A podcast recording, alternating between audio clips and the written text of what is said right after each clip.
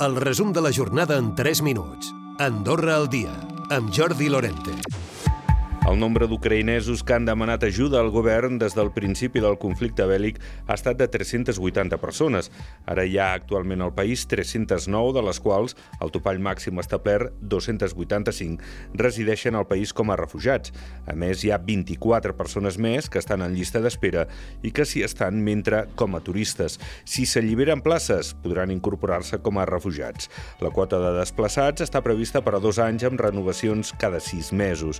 S'han donat un total d'ajudes a 103 nuclis familiars i ara només se'n beneficien 13 famílies sobre com s'està interpretant el que és aquest conflicte entre sindicats i govern, el seguiment de la revisió dels nivells professionals i que no es faria d'acord a llei, César Marquina, el ministre portaveu en funcions, ha dit que si cal es rectificarà, però que s'està fent en criteris amplis, informant sobretot els treballadors. La voluntat inicial des del 2021 és tornar a posar tothom a nivell eh, respecte a, als canvis que han hagut a nivell temporal de funcions, de competències i altres en els diferents llocs de l'administració. I, i insisteixo, igual no estem mirant el mateix mm, document, eh, però, però si és el cas, doncs, eh, evidentment, eh, tant la ministra com jo mateix estem oberts a analitzar-ho amb més detall i si en alguna cosa no estem, eh, ens estem equivocant o estem malinterpretant, doncs eh, evidentment rectificarem amb, amb, amb total eh, rapidesa. Josep Pintat, president de Tercera Via, ha parlat sobre l'acord d'associació amb Europa que s'està perfilant i que no el convenç. La gota que ha fet basar el GOT ha estat la del sistema financer i les demandes d'Europa. Des d'auditories i controls previs per conèixer aquesta realitat són requisits que avui dia s'estan plantejant, no? quan se suposa que s'estan en el marc de les negociacions, quan se suposa que Andorra ha fet uns avanços considerables en tota aquesta matèria, Andorra Recerca Més Innovació ha començat el treball de camp de l'enquesta preelectoral. L'objectiu és presentar els resultats pocs dies abans que comenci la campanya.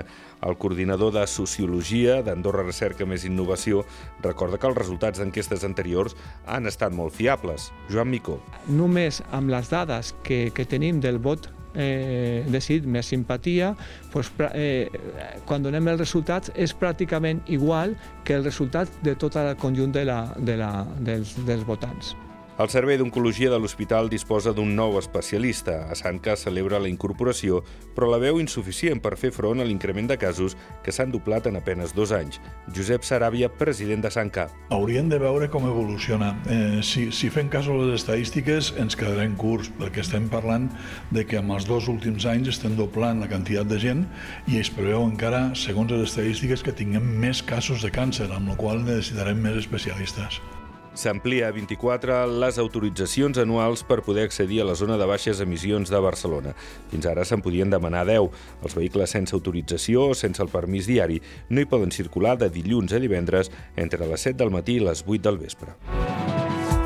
Recupera el resum de la jornada cada dia a AndorraDifusió.d i a les plataformes de podcast.